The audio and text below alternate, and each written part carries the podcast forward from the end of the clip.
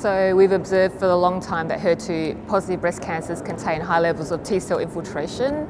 These T cells are associated with improved survival and also high response rates to trastuzumab and chemotherapy.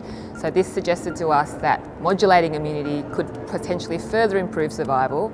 And a long time ago now we published a preclinical study looking at mouse models which also suggested that combination of trastuzumab and PD-1 inhibition could help patients with trastuzumab resistant disease. So this was the rationale for the current study of pembrolizumab and trastuzumab in trastuzumab resistant advanced HER2 positive breast cancer cancer. So was really a proof of concept to try and validate that um, hypothesis.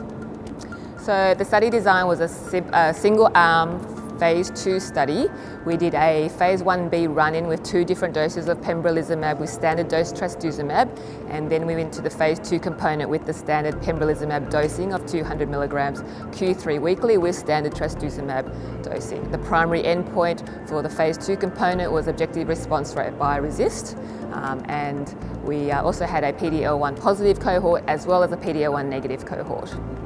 So the study met its primary endpoint with the required amount of pre-specified responders. So the objective response rate in the PD-L1 positive cohort was 15.2% overall, and disease control, which includes stable disease for 24 weeks or more, was 24%. So, we, so it met its primary endpoint, um, and we saw also durable disease control in these patients with the median duration of disease control 11.1 months. So this is people having no chemotherapy for nearly a year.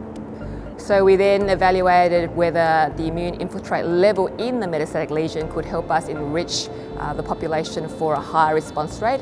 And the one thing that we did notice that compared to primary breast cancers, metastatic lesions have very low levels of T cell infiltrate, suggesting that the immune system may be exhausted or immunosuppressed um, by the time you get to later lines of the advanced setting.